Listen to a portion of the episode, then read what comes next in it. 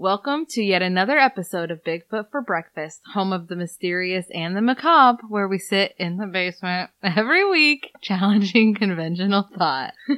So I feel like we have a confession to make at this point. We're going to have to come up with a new tagline because while our old makeshift studio did indeed begin in the basement, it has since been relocated. If you follow us on Facebook, you may have already noticed our untruth due to photos, but we are now located in the parlor. But that doesn't really sound as good, does it?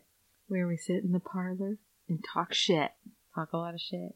No. We could be like where we sit in the parlor where the colonel killed the Made with a candlestick yeah or a lead pipe. a lead pipe.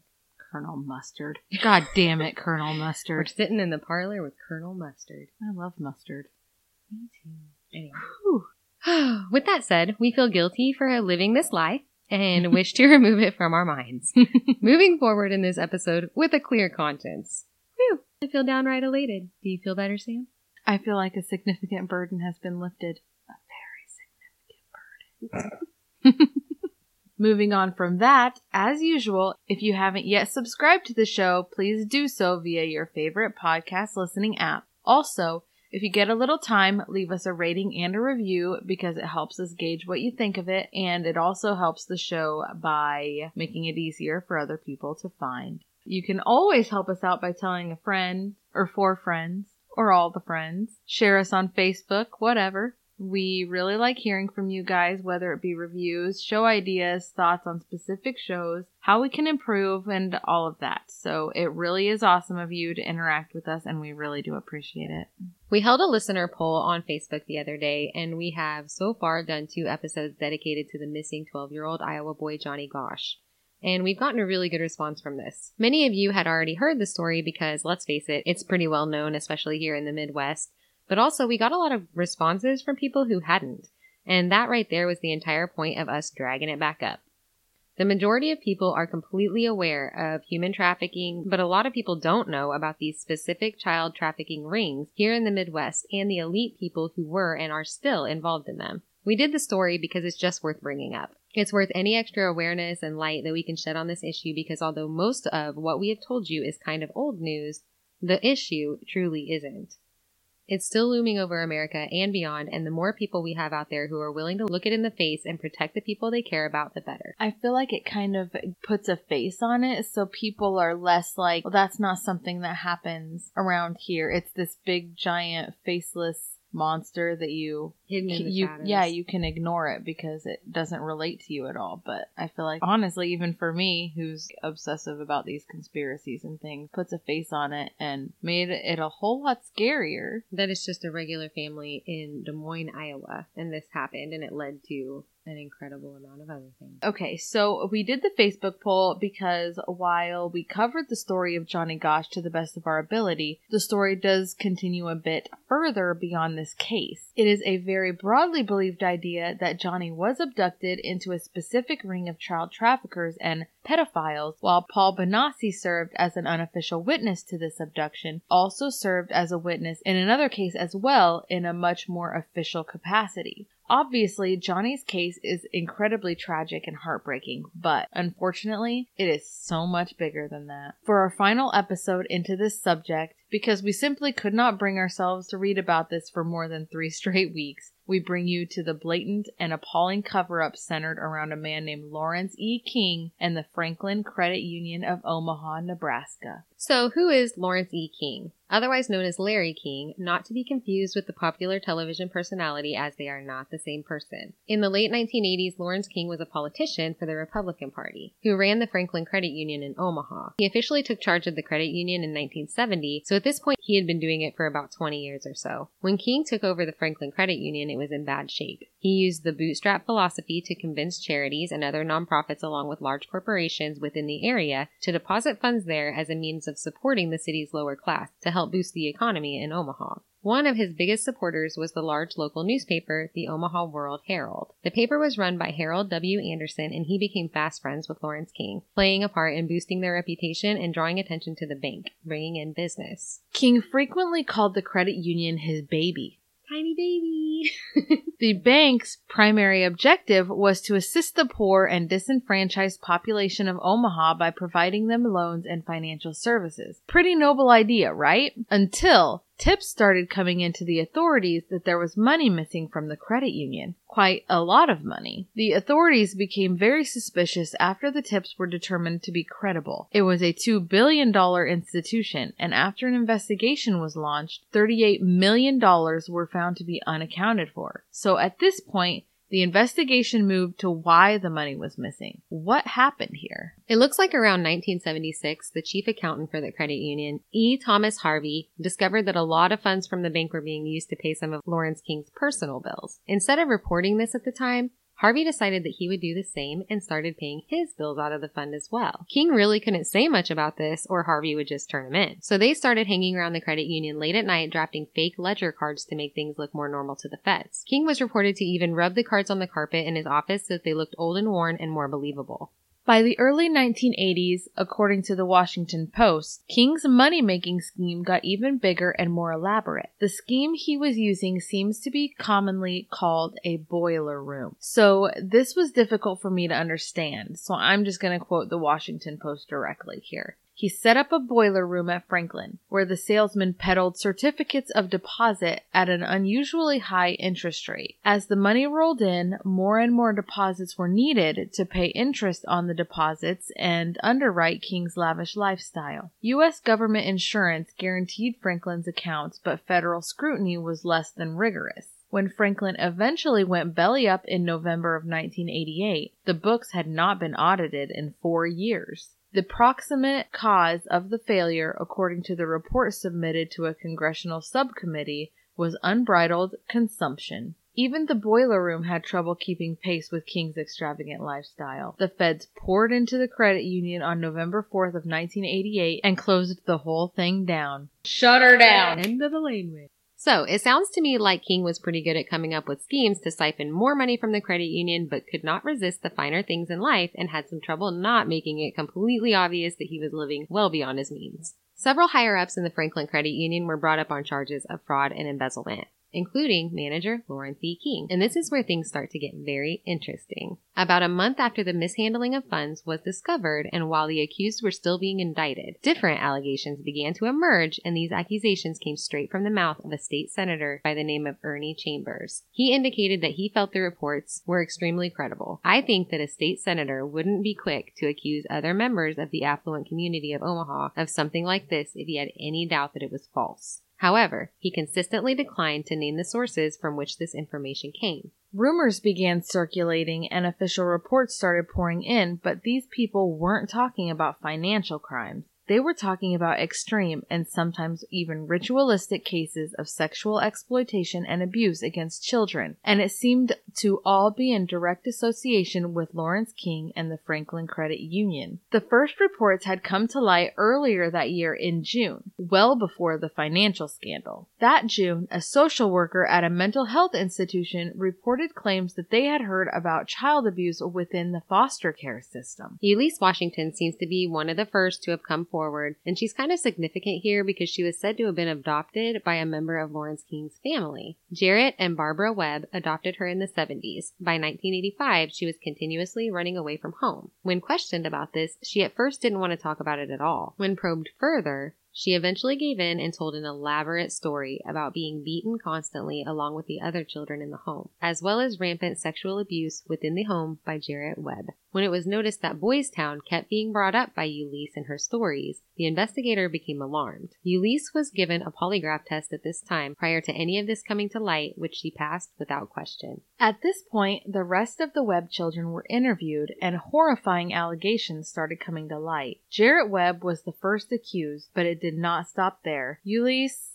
corroborated by her sister, started talking about Lawrence King and being taken regularly to Washington, D.C. in a plane along with other kids around her age to go to parties. She described the parties as well as various important high society people who were there. Here's part of Eulice's statement regarding the first time that she was taken to one of these little get togethers. The web said that I was going out of town for the weekend. Not going wasn't even a choice. I would have gotten beaten. We didn't have choices. We did what we were told to do. On the two trips that I was on, Boys Town kids were on the planes. The boys knew that they were going to be used for sex, but it didn't bother them because they were being taken care of with clothes, money, and cars. I want to say that the parties were elegant. Champagne was served, and older men were wealthy and dressed very nicely. Money was exchanged, and the men would leave with the boys. The Nebraska Foster Care Review Board sent these claims straight to the police and demanded an investigation into a possible child prostitution ring and into Lawrence King specifically. Ironically, that investigation seemed to be making absolutely no progress during this time, even though it was being investigated by three different entities, which were the FBI, the Executive Board, and the State Police. The whole time this was going on, the investigators were extremely tight lipped about the subject, and the public was kept largely in the dark with just enough information to keep them very curious, but not enough to know what was fully going on. There was a public session at one time in which Ernie Chambers, the senator who got the ball rolling on these inquiries, stated that Lawrence King, the credit union's manager for the past 18 years, and the central figure in its collapse were just the tip of an iceberg, and he's not in it by himself. Nothing else was added to this statement to shed further light or to answer further public questions. One of the witnesses, Elise Webb, actually was reported to have passed four polygraph tests during this time. The police state that hundreds and hundreds of hours were put into investigating this matter, but couldn't find substantial evidence to support the allegations. At this time, Robert Wadman was the police chief in Omaha and mainly in charge of leading the investigation along with the FBI. Keep Robert Wadman in mind because he will come up later on in the story. Mr. King's lawyer went public at this time denying all of the allegations of embezzlement and stated that all of the money that King was spending so lavishly came directly from his own personal account at the credit union and was not the credit union's money. He also stated that the FBI had yet to find a credible witness as far as the allegations of sexual abuse go, and that was seemingly all he had to say on the matter. So, when we say that Lawrence King had been spending extremely large amounts of money during his time working for the Franklin Credit Union, we mean it. Let's give you a few examples of what Lawrence King reportedly spent with his $16,200 a year income. He spent over $10,000 a month on limousines and had credit card charges in excess of $1 million. He owned a four story home that sat on 26 acres overlooking the Missouri River. In 1987, his floral bill alone topped 146,000. Man loves his flowers. Right? He drove a $70,000 white Mercedes. He threw a party in 1984, just before singing the Star Spangled Banner at the Republican Convention in Texas, for which he rented South Fork Ranch, the mm. same ranch used to film the television show Dallas, and this party cost him over a $100,000. In 1988, he threw another party for a Democrat friend who was switching to the Republican Party. He leased a warehouse in Louisiana that was regularly used to store floats for Mardi Gras. The party cost him around $100,000. While in LA, he paid for the expensive two story suite at a hotel instead of a room. While in Washington, he paid $5,000 a month for a suite on California Street that sat next to the Venezuelan embassy. He spent $1,500 a month to have his swimming pool serviced. He threw a party for his wife, and for this party, he flew in a band from Las Vegas, ordered an eight tier carrot cake, and gifted her a diamond pin shaped like a cockroach. How telling. Why a cockroach? Often shopped at Andrew Zimmerman's gourmet grocery stores with his chauffeur in tow, buying expensive champagne, steaks, and caviar. He made large scale donations to political parties and organizations. He gave a 2,800 deerskin coat. $2,800. Yeah. I didn't say dollar, did I? No. it sounded weird. 2,800 deers. he gave. No. You gotta not laugh. Charlie Rogers could be a big boy. I just imagined like the vampire on uh Blade that they shine the light on. That's what got me. Pearl. yeah, Pearl. Poor Pearl. Pearl was an asshole. He gave a $2,800 deerskin coat and an 18 karat gold bracelet to a young male friend of his by the name of Charlie Rogers, who was 29 years old at the time. Another one of King's favorite young male friends told the World Herald that King wanted to own you, a sugar daddy thing. Over two years, he bought me $2,500 in clothes and $23,000 in furniture. I would have reversed that. $23,000 in clothes and 2500 Right? in furniture. I don't need that don't nice of furniture. Right? I want shoes. Yet another man flew to LA with King so that King could purchase a $23,000 chandelier for his house. As far as the accusations made by these men, King is quoted to have called them outlandish lies uttered by scum. So at one point, King was questioned publicly about where all of his money was coming from, if not from the credit union. He replied that his wife's family was very wealthy in Jamaica and that all of these gifts and money were coming from them. Later, when he was federally indicted, it was said by the court that no substantial gifts or inheritance from relatives ever existed. Lying son of a bitch.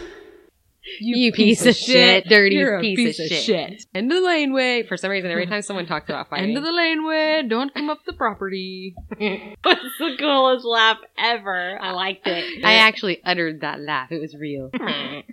I'm going to quote from the Washington Post as they asked some very pertinent questions. Had Nebraska law been violated as far as the age of sexual consent at 16? Had the five year statute of limitations for sexual assault expired for these victims? Were the airplane ticket receipts or any other documents that could corroborate the charges that minors had been transported across state lines for purposes of prostitution a federal crime?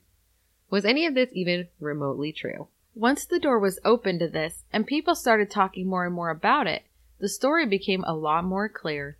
These people, among other members of the elite population in Los Angeles, Washington, D.C., clearer to the White House itself, were being accused of involvement in an elaborate child trafficking ring in which children from specific foster homes and from the Boys Town Institution were being shuttled around the country by private plane to large fancy parties for the elite at which they would provide sexual favors for high ranking members of society all over the United States. They were often reportedly supplied drugs and alcohol and auctioned off prior to being flown to the destination of the highest bidder. Craig Spence was another name that frequently was mentioned by these kids and another man being investigated. He was a high profile lobbyist and power broker during the Reagan and Bush administrations who was said to have been the one, I'll be the one. along with Lawrence King, to get these kids into the White House for extravagant sex parties under the guise of midnight tours. He is said to have given one of the guards a very expensive watch in return for his candor and cooperation in letting them past him without mentioning this to anyone. Another time, he was said to have given the guard a piece of presidential china. Spence had bought a house in Washington, D.C., and it was reportedly bugged with audio and visual surveillance. He would allow the escorts and prominent D.C. businessmen and politicians to use his home, and then, in turn, use the audio and visual recordings of what went on there to blackmail both the boys and the affluent men who visited. The visits to the White House do seem to be substantiated, or at least an extensive investigation was launched and found quite a bit of evidence, according to a Washington Times article. It sounds like it was definitely found to be that underage prostitutes were present around 1 a.m. on the 3rd of July, 1988 for sure. It sounds like the use of corporate credit cards was involved in paying for these escorts. It was found to be true that they were, and they were being run through a funeral home account by the funeral home director's son without the director's knowledge. The clients' names were obtained from some of these vouchers and were found to be local military officers, businessmen, lawyers, bankers, congressional aides, and various other professionals. The man who was spearheading this investigation was U.S. Attorney General Jay Stephens, who knew several of these high profile clients personally as former colleagues from his time in the White House. Stephens first stated that he would be cooperative with the media, but then later withdrew this offer. Many of the clients were cooperative with the investigation, with one being listed as a highly placed Bush administration official and another being a very wealthy local businessman. Other officials named in the article and charged with these allegations are as follows. A congressional aide to a former state representative who had previously resigned from the White House after he himself had admitted to engaging in sexual liaisons with teenage prostitutes. A former White House staffer for the Reagan administration, Craig Spence, the man who had been arranging these visits to the Reagan White House and was found to have spent over 20,000 a month on teenage prostitutes for he and his friends. Members of major news organizations, including an assistant manager of the Washington Times, who had also worked for the Office of Personnel Management in the Reagan administration. Lieutenant General Graham, who was head of the Defense Intelligence Agency at the time, blamed the situation on the KGB, or Soviet intelligence. He stated that because closet homosexuals in government service can be easily turned through blackmail for espionage purposes, we have always in intelligence tried very hard not to be giving classified information to known homosexuals. It is alluded that the cops were tipped to raid a house in on February 28th to uncover child prostitution services and credit card fraud complaints. In the raid, authorities recovered a telephone switchboard operation that was serving around six different homosexual escort services. In the article, one of the chief operators of the prostitution ring stated this investigation would be restricted because big names were involved and he wasn't worried because a highly placed federal official would get this investigation derailed. After all of this came to light, Spence, 49 years old, barricaded himself with a bed across the door in his hotel room at the Ritz Carlton that he reserved using a pseudonym Patricia Cutler. He was found dead in the hotel room under suspicious circumstances. It's difficult to say for sure if the allegations were the total cause of his alleged suicide, as he had been also diagnosed with AIDS and made the statement that he would rather kill himself than die of the disease. So we mentioned earlier that many of these kids were associated with or were from Boys Town, Nebraska. Most know, but for those who don't, Boys Town is a village that was established in 1917, and it's been used as the headquarters for the Boys Town organization, dedicated to the care, treatment, and education of at-risk children. Their website states that at any given time, 400 boys and girls live in the village receiving care and guidance for a wide range of behavioral, emotional, and academic issues. How did Boys Town become involved, you ask? Well, it's all very convenient. Lawrence King established himself and the Franklin Credit Union as a benefactor of sorts within the Omaha community, constantly assisting the disenfranchised. So he worked to develop a close relationship with the Boys Town organization under this guise from about 1979 forward. In an act of supposed goodwill, King invited many of the young people from Boys Town to come work at the Franklin Credit Union, gaining knowledge and life experience. They were put to work in minor roles like cleaning the bank, organizing files, and moving records around where they needed to be. In the documentary Conspiracy of Silence, The Franklin Scandal, they report that Boys Town is the richest square mile in the world, with cash reserves over $500 million mostly coming from donations. The village also held several accounts within the Franklin Credit Union, which were said to have been handled only by higher ups in the institution and no one else. So this is how he gained access to the children there. He was accused of using Boys Town as a source for young girls and boys for drug trafficking and sexual abuse. A former Boys Town boy was interviewed and stated that it was common knowledge that Lawrence King was doing this and that Boys Town received complaints frequently about rape and molestation of these kids. I don't know how true that is. That is just the statement of another person. Previously mentioned victim Ulysses Washington stated in an interview that Lawrence King was in fact the facilitator of all of this activity and that they went on frequent trips with him. Once, she states, he flew her to Chicago where they went to a swanky hotel room and had her put on very little sexy clothing in front of several very prominent Chicago men while young boys were there as well performing sexual acts with these men. While it was said by a few of the victims that the Boys Town administration was definitely aware of what was going on and that the reports had been made as early as 1986, two years before this was made public, the administration went on to say that they did receive some reports, but when they attempted to speak with the victims about this, the allegations were denied, or the kids refused to speak. The Boys Town administration went on to say that they expressed deep regret having put these kids in this position, and that they never would have done this had they known anything like this was going on. In 1988, the reports were brought to the Nebraska State Foster Care Review Board, who took reports by the hundreds verbally and by telephone. It was said that Larry King's name was consistently present on almost all of these reports. This review board states that they handed over a full 12 inch stack of papers that included information on these allegations and witness statements to the authorities. From here, they say that nothing was really done with this. The authorities stated that the evidence given to them was not conclusive. The review board was said to have felt that the police read the statements and determined that it wasn't conclusive immediately instead of using the documents as leads in the beginning of an investigation. They didn't seem to think that further investigation was done at all because of the fact that the alleged perpetrators were members of the high roller elite in Nebraska and throughout America. The Executive Board of Nebraska Legislature took the reins from here in 1988. They began their own investigation into this. Tons of statements were taken from witnesses and victims alike, and it was speculated largely that the abuse was being performed by members within the high ranking Republican Party. At least that was the majority of the accused. The Nebraska legislature voted to allow Senator Loren Schmit to lead the investigation committee, but quickly rejected Schmit's choice to involve the former CIA director William E. Colby to function as counsel. They opted instead to allow another man this position, and his name was Kirk Naylor. Naylor was quoted to have said later, credibility was always a big concern. It was difficult to tell whether some of these kids were playing upon the neighborhood and statewide hysteria, or were really telling the truth. The committee soon seemed to come to a rock and a hard place and found it difficult to move forward in the case. The high pressure involved in this case for them to make some sort of progress caused Naylor and two senators to resign from their positions. After the Nebraska State Legislature Committee disbanded and resigned due to their lack of any progress at all, a new committee formed with a new council and they were a lot more progressive.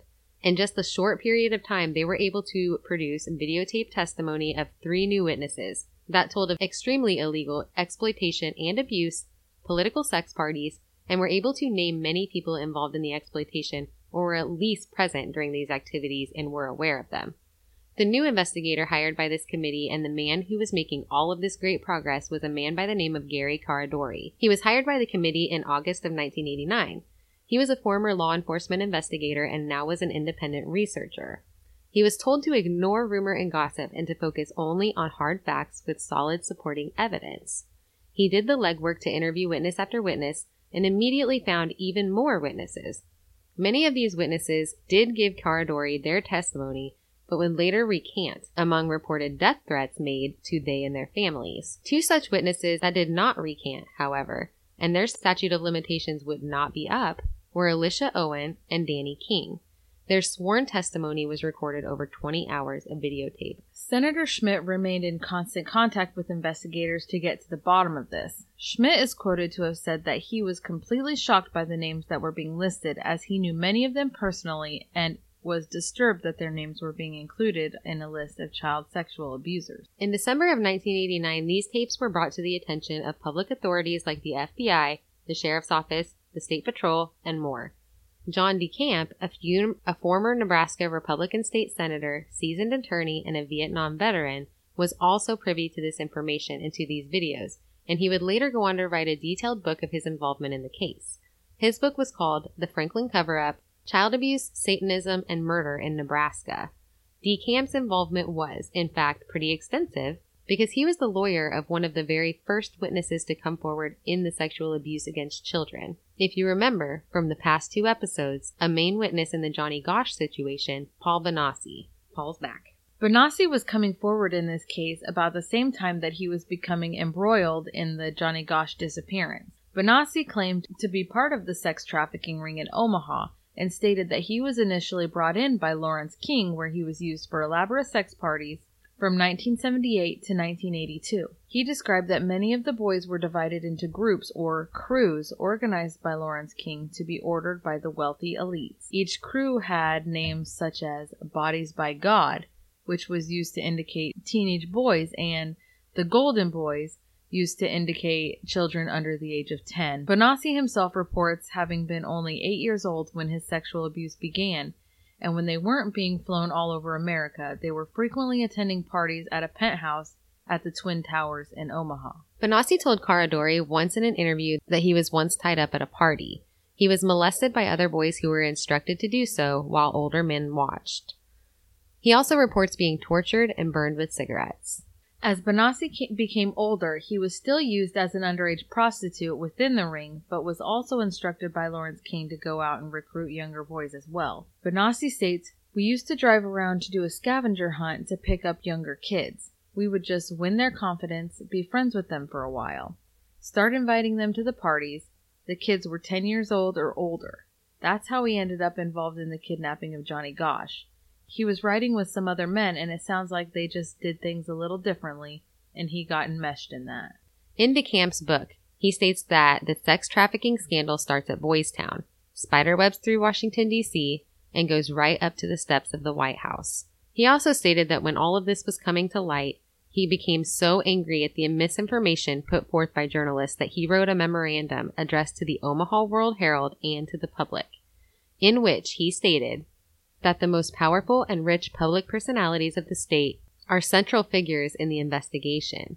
He then went on to specifically name at least five of them, including Lawrence King, Harold Andersen, who was a former publisher at the World Herald, and Peter Citron, a former World Herald columnist. He named these men the Franklin Five.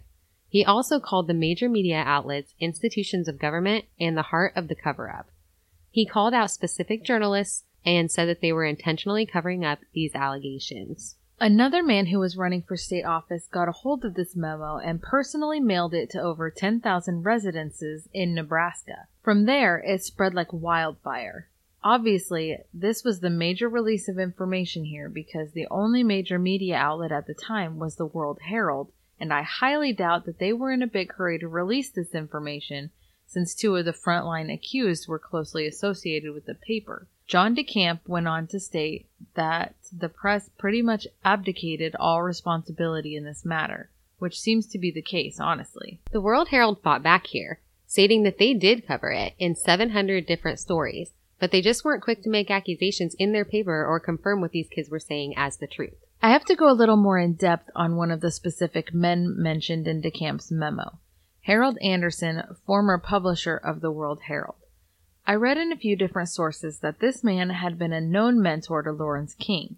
Obviously, I feel like this is worth mentioning. Also, the fact that he constantly promoted the Franklin Credit Union and promoted very beneficial fundraising for the institution he was chairman of the advisory committee for Franklin Credit Union as well. He denied knowing anything about these accusations of embezzlement, but a few people found this to be completely unbelievable due to his close ties with the credit union and with Lawrence King, as well as the fact as he was at one time considered to be the best investigative reporter in the history of the state. It was widely believed that he knew exactly what was going on, and used his paper to help support it.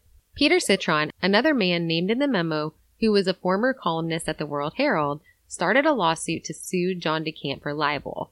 But before he could get this done, he was brought up on unrelated charges of child sexual abuse. When the memo came out, parents were appalled because Citron had a lot of interaction with children. When the families of these children who had been in association with Citron began asking questions to their kids, the kids started telling stories. With these new testimonies against him, the police now had the right to search his home and ended up seizing thousands of documents from his house that constituted child pornography, and he went to jail. A judge was reported to have said that what he saw in these documents was frightening and shocking, and that he could not believe that it even existed. He went on to also state that it was the worst thing that he ever saw in his life. Gary Caradori, the investigator, was said to have called Loren Schmit on July 10th of 1990 and told him that the investigation was conclusive and they had these guys by the short hairs. The very next morning, he was on his way home from an all-star game with his son and was flying into Lincoln in a small plane that he had extensive experience in piloting. The plane crashed and he and his 8-year-old son were killed. The strange thing about Caradori's crash is that the debris was said to have been found over three fourths of a mile and that a farmer reported to have seen a flash of light and heard an explosion just before the plane began to plummet to the ground. Lawrence Schmit was outraged, and it was a well known fact by him, other investigators, and Caradori's family that he had been receiving death threats over his involvement in the Franklin case. Although Caradori was hard, would hardly speak of the case, Caradori's wife, Sandy, said that he was aware that someone important had been, at the very least, keeping an eye on him. At one point, a friend of hers from the Lincoln Telephone Company came to their house and told her that their phone was being tapped. Caradori chose to ignore this and many other things, continuing to interview witness after witness. Two years later, the National Transportation Safety Board documented the results of a crash to have been due to the wings of the plane snapping under stress. At the time of I know it's laughable, isn't it? like, like think of all the evidence they've gotten so far, right? At the time of this conclusion, Caradori's widow was allowed to pick up her husband and young son's personal belongings, but strangely, Caradori's briefcase was not returned to her. The briefcase contains several documents related to his conclusion of the child sex rank allegations and has never been found. I think it probably snapped under stress. if I had any involvement in this case, I would snap under stress. right? I'm not oh kidding. Oh my god.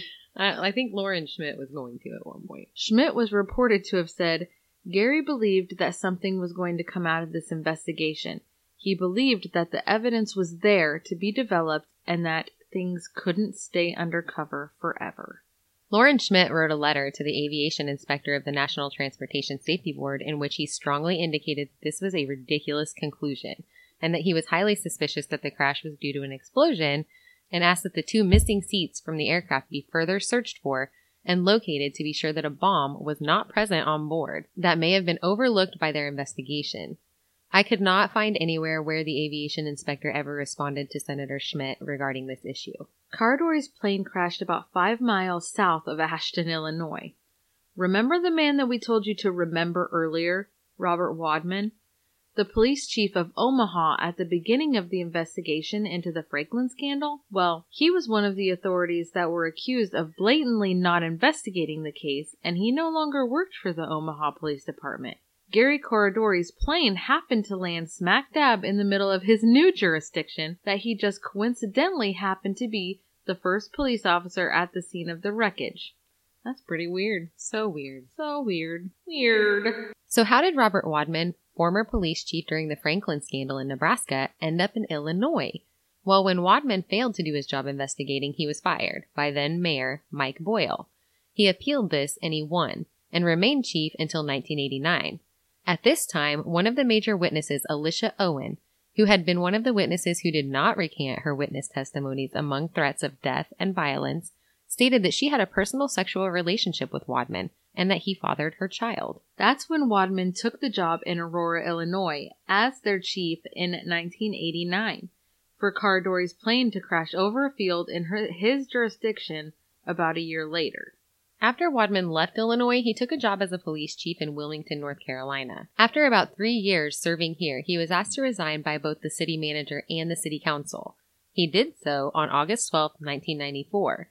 This was due to a lengthy review of morale problems in the police department. Michael Bell of the National Weather Service office in Rockford, Illinois, reported very clear weather the night of Caradori's crash, although the National Transportation Safety Board reported in a simple statement regarding the crash continued his flight into thunderstorms, lost control, broke up FSS, failed to advise of pending thunderstorms. Luckily, a few of the video interviews were not with Caradori in the plane crash and were recovered by Senator Loren Schmit. At this point, a grand jury has convened and is combing through the evidence and testimonies. Nebraska seems to be split here. Part of them siding with the children as there are so many like stories, detailed testimonies, naming of the same culprits, and coincidental child molestation evidence against the accused that it cannot hardly be denied. The other side is crying out that this is absolutely ridiculous and that important people's lives are being torn apart by the lies of children who are out to get attention. Robert Wadman was also cleared later by the grand jury, who publicly announced that he was a victim in the scandal and nothing Alisha Owens said was ever found to be true. He has also launched several libel suits against various newspapers and authors, but he has not won any of them, strangely. Hmm. I will say about this, though, that although I couldn't find any actual reports stating that DNA evidence was ever run on Alisha's baby, there were several statements from various people that said it was done and he was definitively found not to be the child's father. Obviously, I don't know if this is simply stated by people who are part of the cover up and trying to discredit her or if this is fact. But I'm sure you were wondering, like I was, about DNA testing, and that is pretty much all I found on that. Allegations all over the U.S. began pouring in and were found to be unsubstantiated witch hunts. Reported victims were said to be suffering from something called forgotten memory syndrome, which was a new term at the time. Remember, this was a time when these ideas of pedophilia and sex trafficking were all coming to light and there was really no set procedure on how to deal with them. There was no vetted, tried and true, evidence based process for interviewing sexually abused witnesses or obtaining testimony at the time. On top of that, these allegations weren't just made against regular people. These accused men and women were the highest elite population in America. So, aside from a handful of brave souls, people were scared to fight against them for the most part. The first and second grand jury both found that the allegations to be largely untrue and ruled in favor of the accused. The allegations and charges were dropped in regards to the child sex trafficking ring, despite all of the previously mentioned things. Lawrence King did go on to be tried a few months later for the fraud and embezzlement charges and received 15 years in prison for this, but that was it. Even more, remember Alisha Owen, one of the main witnesses and victims that refused to recant her testimony and who claimed to have a sexual relationship with Omaha Police Chief Robert Wadman? She was actually thrown in prison for these allegations, which the grand jury determined to be perjury. She was sentenced to 9 to 15 years on 8 counts of perjury. During the grand jury trials, there had been four prime witnesses. Two of them ended up recanting their entire testimonies and then turned around and said that Alisha Owen had led them to make the video testimony and participate in the claims because she had told them that it would eventually lead to a book and a movie deal from which they would be paid. Even in the face of prison time, Bonacci and Owen never recanted. The grand jury called this a carefully crafted hoax scripted by a person or persons with considerable knowledge of the people and institutions of Omaha. If all of this was true and all of these things did happen, it was really set up well for the perpetrators because these kids all state that they were led and forced to use drugs and drink alcohol for years while attending these traumatizing parties. So they not only grew up drug addicted, but they also carried pretty huge psychological burdens as well due to the extensive abuse that they would have suffered. All of this would have made these kids pretty easy to dismiss as credible witnesses, don't you think? In 1993, a film crew traveled to Omaha from Yorkshire in the UK to film a television documentary about the pedophile ring. The Discovery Channel funded the project and planned to air it on their network in 1994 in both the UK and the United States. The documentary is said to have been thoroughly researched and well done, but when it was in its final stages of editing, the Discovery Channel suddenly withdrew their support for the project. They refused to air it and refused to further fund it. To this day, the film has never been aired on television but can be found on the internet. The film is called The Conspiracy of Silence. Watch it. It's good. This is the interesting part right here. Paul Bonacci went on later to bring a personal lawsuit against Lawrence King in 1999 for damages. In this suit, King is alleged to have conspired with public officers to deprive Bonacci of his civil rights, designed to continue to subject him to emotional abuse and to prevent him from informing authorities of criminal misconduct with the use of battery, false imprisonment, infliction of emotional distress, organized and directed satanic rituals, forcing Bonacci to scavenge for children to be part of the defendant King's sexual abuse and pornography ring, forcing Bonacci to engage in numerous sexual contacts with the defendant King, and others, as well as participate in deviant sexual games, masochistic orgies with other minor children. Damages included burns, broken fingers, beatings of the head and face, and other indignities by King. Also, for traumatizing experiences and the lingering results of these, including multiple personality disorder, the loss of a desired military career, threats on his life, sleeplessness, bad dreams, difficulty in holding a job, fear that others are following him, fear of being killed, depressing flashbacks, among other things caused by the defendant King. Despite the fact that the grand jury ruled that King was an innocent man in this matter, King would face no actual additional prison time for this. Paul Bonacci actually won this monetary lawsuit. In a memorandum of decision from the presiding judge, Warren Urbom, the evidence is not uncon- uncontradicted, and the and Bonacci has suffered much. Bonacci sued for one million and was awarded two hundred thousand for this. Witnesses in this trial were Noreen Gosch, Paul Bonacci, and Paul's mother Denise Bonacci, as well as a new person by the name of Russell Nelson. Russell Nelson was an interesting person and a name that I hadn't previously come across. I found a story in the court transcript for this monetary hearing and wanted to tell his side as well. Nelson was working as a photographer in Omaha, and one night he was taking pictures at a bar when he started talking to another guy about needing to find a steady job. The guy told Nelson that he could probably hook him up with someone who could use a good photographer. A few days later, Nelson was introduced to Lawrence King. Nelson started off photographing things like the opening of King's new restaurant, King's mansion, candid shots at King's extravagant parties, but King eventually began to outright ask him if he would be willing to shoot porn that involves kids. Nelson said that he flat out refused to do this, and King soon approached Nelson and strangely asked if he would start wearing things that King wanted him to when they went to parties. King also sent him to a hairstylist who had specific instructions on how to style Nelson's hair. A while later, Nelson found himself at a party of kings, staring at another photographer who strangely looked identical to himself, except maybe a few inches shorter. It didn't take Nelson long to figure out that he was being set up to be a fall guy for the real child pornographer. Nelson still stuck around and did King's innocent photographic work and occupied a bedroom below the credit union. He was asked in court if he was aware of the fact that his existence before the legislative committee was effectively denied by various witnesses and an investigator for the state by uh, and by others. To this, Nelson replied that they probably said this because he had been told to disappear by FBI agents when the heat started. He was then asked why he thought that FBI agents would tell him to disappear, to which he replied, I believe they were the ones who were involved with this. From what I understood, they were found to be a part of it.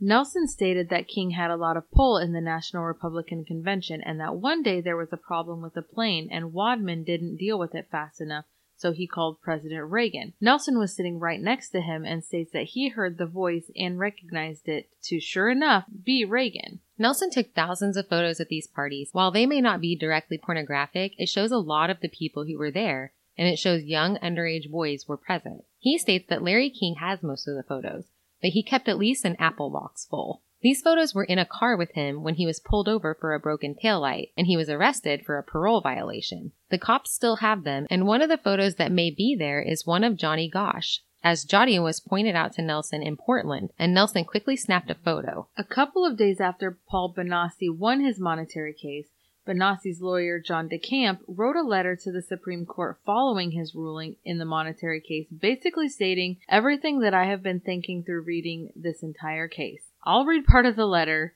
now. The trial on February 5th, 1999 resulted in a $1 million judgment.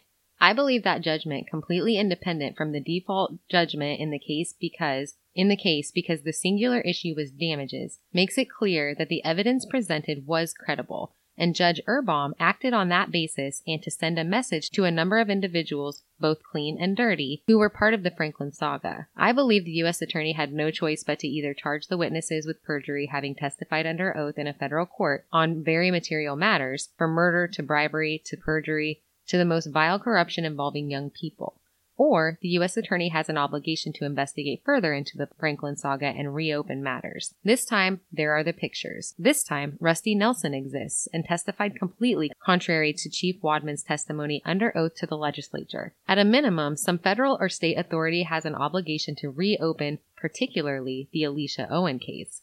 If my witness in court February 5, 1999, is telling the truth, then Alisha Owen is also.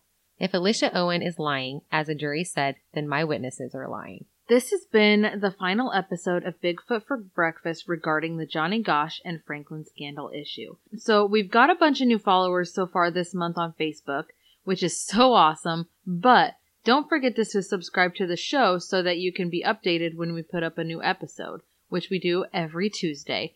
Also, if you get a few minutes and you feel so inclined, please rate and review the show because this helps us out tremendously and we appreciate every single one of these. So next week we'll be right back to our cryptic and creepy stuff that we normally cover and we have a really good topic for you guys. And we've been dying to talk about it on the show because it's pretty much the scariest, most creepy thing ever to us. So, Thank you for listening this week as we told you most of the rest of the story related to Johnny Gosch and Paul Bonacci. I say most because as, as much information as we covered today, honestly, we didn't even scratch the surface. But we did the best we could in our short span of time for today's show. So thanks again and see you next week. See you next week. See you next week. Tuesday, not Monday.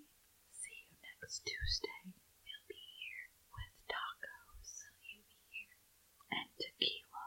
And tequila. Taco Tuesday.